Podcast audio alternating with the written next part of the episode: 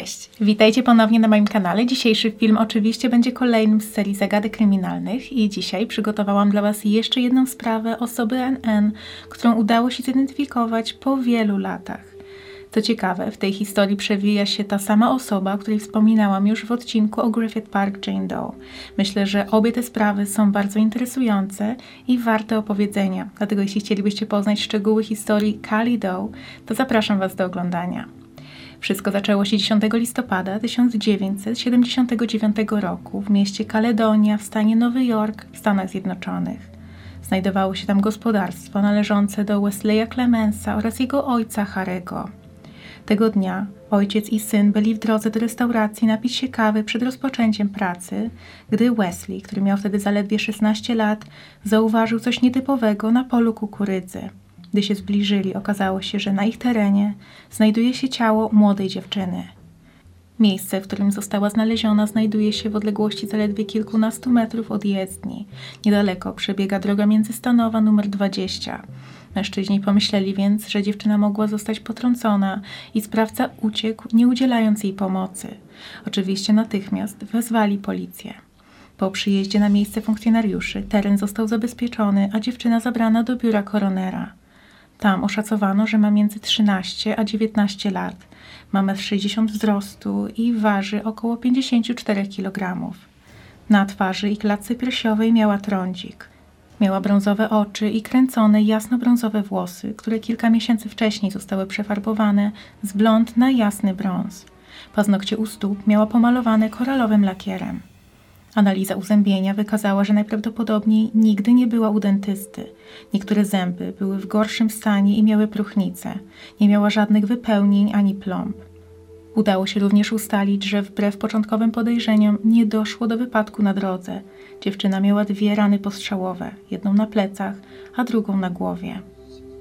Nastolatka była ubrana i nie znaleziono żadnych śladów ataku na tle seksualnym. Wkrótce miało się okazać, że w tej sprawie będzie znacznie więcej pytań niż odpowiedzi. Dziewczyna nie miała przy sobie żadnej formy identyfikacji ani rzeczy osobistych. Zauważono również, że kieszenie w niej spodniach są wyjęte na zewnątrz. Mogło to oznaczać, że albo została okradziona, albo ktoś postarał się, żeby nie miała przy sobie nic, co pozwoliłoby w ustaleniu jej tożsamości. Liczono jednak, że mimo tych przeciwności jej zaginięcie zostanie zgłoszone przez członków rodziny ze względu na jej młody wiek. Nastolatka miała na sobie koszulę w kratę, brązowe sztruksowe spodnie, brązowe skórzane buty, ręcznie robiony srebrny naszyjnik z turkosowymi kamieniami, a do szlufek przy spodniach miała przyczepione dwa bryloczki, jeden w kształcie serca, a drugi klucza. Na sercu był wygrawerowany napis: Ten, kto ma klucz, może otworzyć moje serce. Miała również na sobie dość charakterystyczną czerwoną kurtkę bomberkę z czarnymi paskami po bokach marki Auto Sports Products. Sądzono, że kurtka może przybliżyć do identyfikacji jej właścicielki, ponieważ bardzo rzucała się w oczy. Świadkowie, którzy potencjalnie mogli widzieć dziewczynę przed tym, jak spotkał ją tak straszny los, mogli dzięki temu ją zapamiętać. Śledczy początkowo skupili się właśnie na kurtce. Udało się znaleźć mężczyznę, do którego należał zakład, w którym została wyprodukowana. Niestety okazało się, że podobnych kurtek były tysiące i nie było dostępu do rejestru osób, które je kupiły. Trop okazał się więc ślepą uliczką. Pod koniec lat 70. nie było możliwości rozpowszechniania informacji tak, jak jest to robione obecnie. Jedyne co śledczy mogli zrobić, to umieścić zdjęcia dziewczyny w gazetach oraz na plakatach w Kaledonii i okolicznych miastach. Brano jednak pod uwagę, że dziewczyna mogła nie pochodzić z tego regionu. Mocno wskazywał na to jeden element, a mianowicie opalenizna. Zauważono u niej ślady po stroju kąpielowym albo bluzce na ramionczka, a ze względu na to, że był listopad, to na pewno nie mogła zrobić sobie takiej opalenizny w stanie Nowy Jork. Podejrzewano więc, że albo niedawno wróciła z wakacji, albo że pochodziła z bardziej słonecznej części kraju. Od razu założono, że opalenizna była naturalna, ponieważ w latach 70. solaria nie były tak powszechne. Nie było wtedy także możliwości przeprowadzenia badań DNA i ślady zostały zabezpieczone najlepiej jak to było możliwe, biorąc pod uwagę możliwości technologiczne w tamtym okresie oraz warunki, w jakich znaleziono dziewczynę. Wiadomo, że na polu leżała co najmniej od poprzedniego dnia, a akurat tamtej nocy mocno padał deszcz, który zmył większość śladów. Jednym ze śledczych najbardziej zaangażowanych w śledztwo był sierżant John York. Mężczyzna poświęcił kolejne tygodnie na sprawdzanie każdego najmniejszego szczegółu w poszukiwaniu wskazówek i poszlak. Z biegiem czasu chęć ustalenia tożsamości dziewczyny i tego, kto ją skrzywdził, stało się jego obsesją. Uczestniczył w poszukiwaniach osób, które mogły widzieć nastolatkę w dni poprzedzające tragedię. Odwiedzono w sumie kilkadziesiąt restauracji i sklepów w okolicy pola, na którym została znaleziona i udało się trafić do baru Lima Diner. Tam jedna z kelnerek, osiemnastoletnia Marge Bradford, rozpoznała dziewczynę na zdjęciu i powiedziała, że jest prawie pewna, że to właśnie ją widziała 9 listopada 1979 roku. Przyznała, że pamięta, że nastolatka była w towarzystwie starszego od siebie mężczyzny, który zapłacił za ich posiłek i razem wyszli. Nie wyglądało, jakby dziewczyna była z nim wbrew swojej woli. Zachowywała się spokojnie i naturalnie. Nie wiadomo, o czym rozmawiali, ale z daleka nie wyglądało to na kłótnie. Po swobodzie, w jakiej się porozumiewali, można było wnioskować, że znali się od dłuższego czasu. Nie wyglądało jednak, jakby byli parą, bardziej jak dobrymi znajomymi albo rodziną. Na podstawie zeznań kelnerki udało się stworzyć portret pamięciowy tego mężczyzny. Miał on około 1,80 m wzrostu, był średniej budowy, miał krótkie, kręcone włosy oraz nosił okulary. Lima Diner to było ostatnie miejsce, gdzie dziewczyna była widziana cała i zdrowa i mężczyzna, z którym wtedy była, trafił na szczyt listy podejrzanych. Badania wykazały, że w żołądku znalezionej na polu dziewczyny znajdował się dokładnie ten posiłek, który spożyła w restauracji, co potwierdzało, że to właśnie ona tam była oraz że krzywda spotkała ją niedługo po wyjściu. Niestety, mimo chęci i wysiłków ze strony Johna Yorka i jego współpracowników, było zbyt mało punktów zaczepienia i śledztwo nie mogło być skutecznie prowadzone. Wkrótce sprawa trafiła do archiwum X. Sierżant York został w międzyczasie szeryfem hrabstwa Livington i przez kolejne lata upewniał się, że dochodzenie w sprawie niezidentyfikowanej nastolatki jest aktywnie prowadzone. Dziewczynę nazwano Caledonia Jane Doe, albo w skrócie Cali Doe. Została pochowana na cmentarzu Greenmount w mieście Dansville w Livington County, a na jej nagrobku zamiast imienia widniał napis abyśmy nie zapomnieli, niezidentyfikowana dziewczyna. W ceremonii wzięli udział śledczy pracujący nad sprawą i lokalni mieszkańcy, których poruszyła ta historia. Do tego momentu na policji nie zgłosił się nikt z bliskich dziewczyny i zastanawiano się, dlaczego nikt jej nie szuka.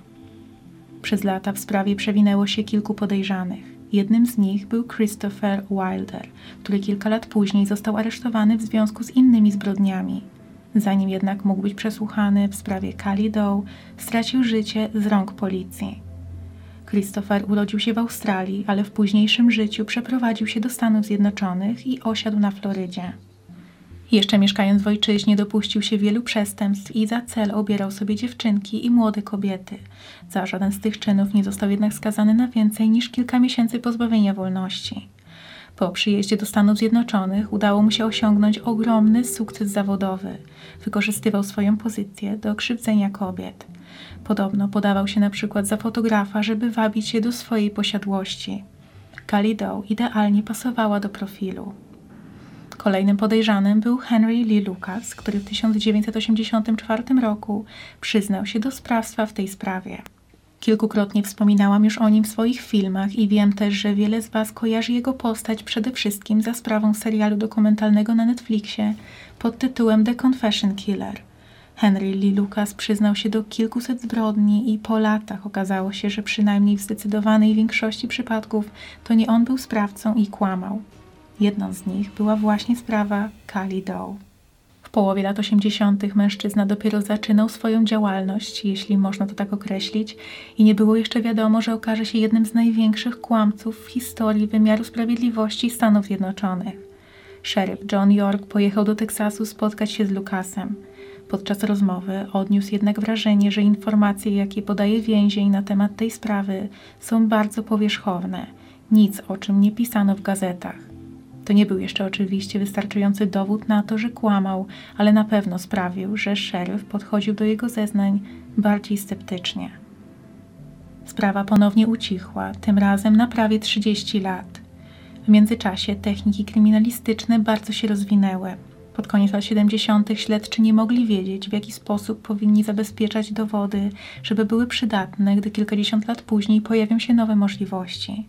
Między innymi dlatego włosy Kalido zostały zabezpieczone, jednak zostały odcięte i nie zawierały cebulek, które były niezbędne do przeprowadzenia analizy DNA.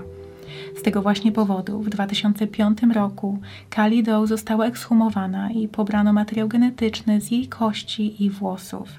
Zbadano także pyłki znajdujące się na jej ubraniu i dzięki temu ustalono, że przebywała na Florydzie albo w południowej Kalifornii. W tym czasie sprawa dziewczyny została też przedstawiona w odcinku popularnego programu America's Most Wanted, ale niestety rozgłos, który jej to przyniosło, nie doprowadził do postępu w sprawie. W 2013 roku Laurel Noel, kobieta pochodząca z Brooksville na Florydzie, a teraz mieszkająca w Phoenix w stanie Arizona, postanowiła odszukać w internecie przyjaciółkę z czasów szkolnych. Ostatni raz widziały się i miały jakikolwiek kontakt w latach 70. Laurel nie wiedziała, co od tego czasu działo się z koleżanką, ale miała nadzieję, że dzięki mediom społecznościowym uda się ją odnaleźć. Kobieta nie sądziła, że odszukanie przyjaciółki będzie stanowiło wyzwanie. Znała jej imię i nazwisko. Tammy Joe Alexander, ale okazało się, że nigdzie nie ma jej profilu. Jedyne, co udało się znaleźć, to post mężczyzny o imieniu Kevin, który również znał Tammy. W poście było napisane, że dziewczyna zaginęła pod koniec lat 70. i nikt nie miał z nią kontaktu od tego czasu. Było także wspomniane, że możliwe, że jakiś czas wcześniej zaczęła parać się prostytucją. Laurel zaniepokoiła się. Okazało się, że nie ona jedna bezskutecznie próbuje kontaktować się z Tami. Okazało się, że Kevin był chłopakiem dziewczyny i postanowił odszukać ją wiele lat później, ponieważ okoliczności jej zaginięcia były dość niepokojące. Koleżance udało się nawiązać kontakt z przyrodnią siostrą Tami, Pamelą Dyson, która powiedziała, że ona również nie miała kontaktu z siostrą od końca lat 70. Podobno ich rodzina już dawno straciła nadzieję na to, że dziewczyna kiedykolwiek wróci do domu cała i zdrowa. W 1979 roku nastolatka uciekła z domu i już nigdy nie wróciła. Oczywiście istniała możliwość, że rozpoczęła gdzieś nowe życie, jednak bliscy nie wykluczali też możliwości, że spotkała na swojej drodze kogoś, kto ją skrzywdził. Pamela przybliżyła również powody, dla których jej siostra mogłaby chcieć uciec z domu i nigdy nie wracać. Tami urodziła się 2 listopada 1963 roku w mieście Atlanta w stanie Georgia. Jej rodzicami byli Barbara Jenkins i Bobby Alexander. Dzieciństwo dziewczyny i jej siostry było dalekie od ideału. Ich matka była uzależniona od leków na receptę i często zdarzały jej się wybuchy gniewu. Emocje wyłodowywała na swoich dzieciach. Pamela od 11 roku życia mieszkała z babcią ze strony ojca, a Tami była wychowywana przez matkę i ojczyma. Z biegiem lat dziewczyna zaczęła regularnie uciekać z domu. Gdy wkroczyła w wiek nastoletni, uciekała razem z koleżankami. Często znikały tylko na kilka godzin w ramach wakarów, ale czasem nie było ich przez dzień albo nawet kilka dni. Raz udało jej się uciec razem z Laurel i poruszając się autostopem przekroczyły kilka granic stanowych dostały się z Florydy do Arizony. W końcu koleżanka uznała, że najwyższy czas wracać do domu. Cała ta długa wycieczka odbyła się z inicjatywy Tami i widać było, że jej wcale nie podoba się pomysł powrotu do niezdrowej atmosfery panującej w domu. Ostatecznie przyjaciółka skontaktowała się ze swoją matką, która kupiła im obu bilety na samolot i dziewczyny wróciły do domów. Tami przyznała, że jej matka wcale nie była zadowolona z tego powrotu i że po tym incydencie konflikty i napięcia między domownikami tylko się pogłębiły. To właśnie wtedy szesnastoletnia Tami zaczęła planować ucieczkę na dłużej. Wiadomo, że po opuszczeniu domu, ale jeszcze zanim wyjechała z Florydy, skontaktowała się ze swoim chłopakiem Kevinem, właśnie tym, który lata później napisał ten post w internecie, na który trafiła Laurel. Podobno Tami poprosiła chłopaka, żeby przyjechał spotkać się z nią w mieście St. Petersburg, oddalonym od Brooksville o godzinę drogi. Chłopak podjechał pod wskazany adres, który okazał się być kompleksem mieszkalnym. Kevin nie wiedział skąd dziewczyna może mieć pieniądze na wynajem. Podobno później Tami wspomniała, że pomagają jej jacyś nowo poznani ludzie, co Kevinowi wydało się niepokojące. Mimo złego przeczucia, po skończonym spotkaniu chłopak odwiózł Tami pod mieszkanie i widział, jak wchodzi do środka – Zauważył, że ktoś otworzył jej drzwi, więc nie była tam sama. To był ostatni raz, kiedy ją widział. Zdaniem przyrodniej siostry zaginięcie Tami zostało zgłoszone na policję, jednak po sprawdzeniu rejestrów okazało się, że albo matka kłamała i tak naprawdę nigdy nie złożyła zawiadomienia, albo zostało ono zgubione, na przykład podczas procesu digitalizacji policyjnych rejestrów. Tak czy inaczej, dopiero w 2013 roku Tami oficjalnie trafiła na listę osób zaginionych. Teraz już możliwości technologiczne były nieporównywalne do tych kilkadziesiąt lat wcześniej – i zdjęcia dziewczyny trafiły m.in. do bazy NAMAS. Jeśli oglądaliście mój odcinek na temat Griffith Park Jane Doe, to na pewno kojarzycie postać Karla Koppelmana, czyli artysty amatora, który tworzy portrety osób zaginionych i niezidentyfikowanych. To właśnie dzięki niemu i jego przyjaciółce udało się doprowadzić tamtą sprawę do rozwiązania po prawie 50 latach.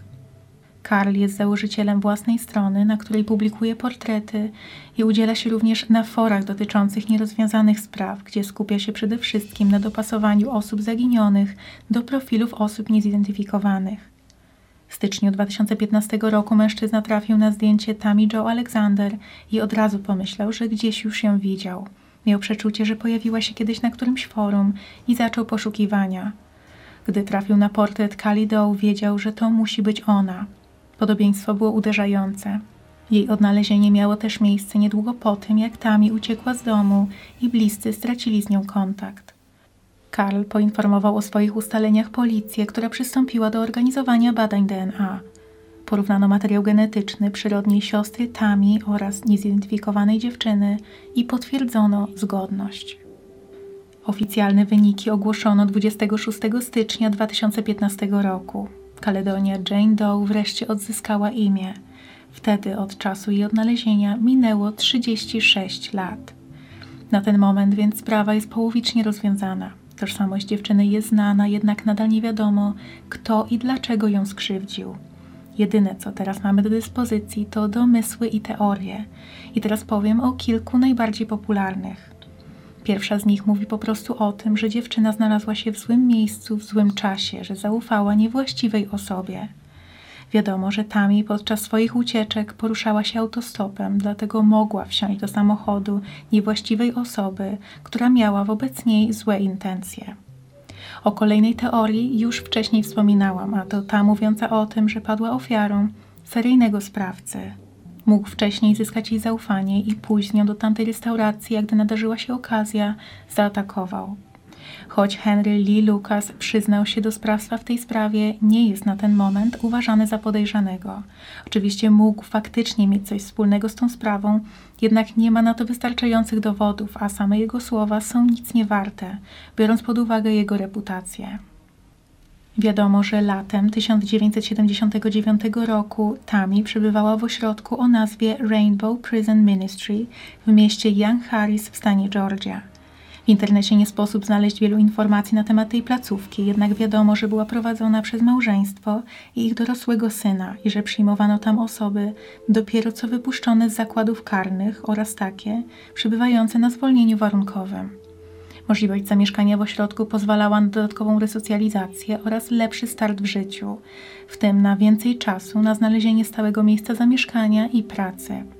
Niewiele jest wiadomo na temat pobytu Tami w tym miejscu. Możliwe, że została przygarnięta przez właścicieli, gdy uciekła z domu i nie miała gdzie się podziać. Część osób spekuluje, że to właśnie tam mogła poznać swojego późniejszego oprawcę, że był nim albo jeden z byłych więźniów, albo syn właścicieli to jednak są tylko domysły. Zarówno małżeństwo, jak i ich syn już nie żyją, dlatego najprawdopodobniej nigdy nie dowiemy się, co tak naprawdę działo się w tym ośrodku. W 2016 roku materiał genetyczny trzech mężczyzn porównano z próbką zabezpieczoną na ubraniu Tami. W listopadzie tamtego roku policja ogłosiła jednak, że nie znaleziono zgodności. Tożsamość tych mężczyzn nigdy nie została podana do wiadomości publicznej i jedyne co wiadomo, to że były to osoby, które znały dziewczynę osobiście.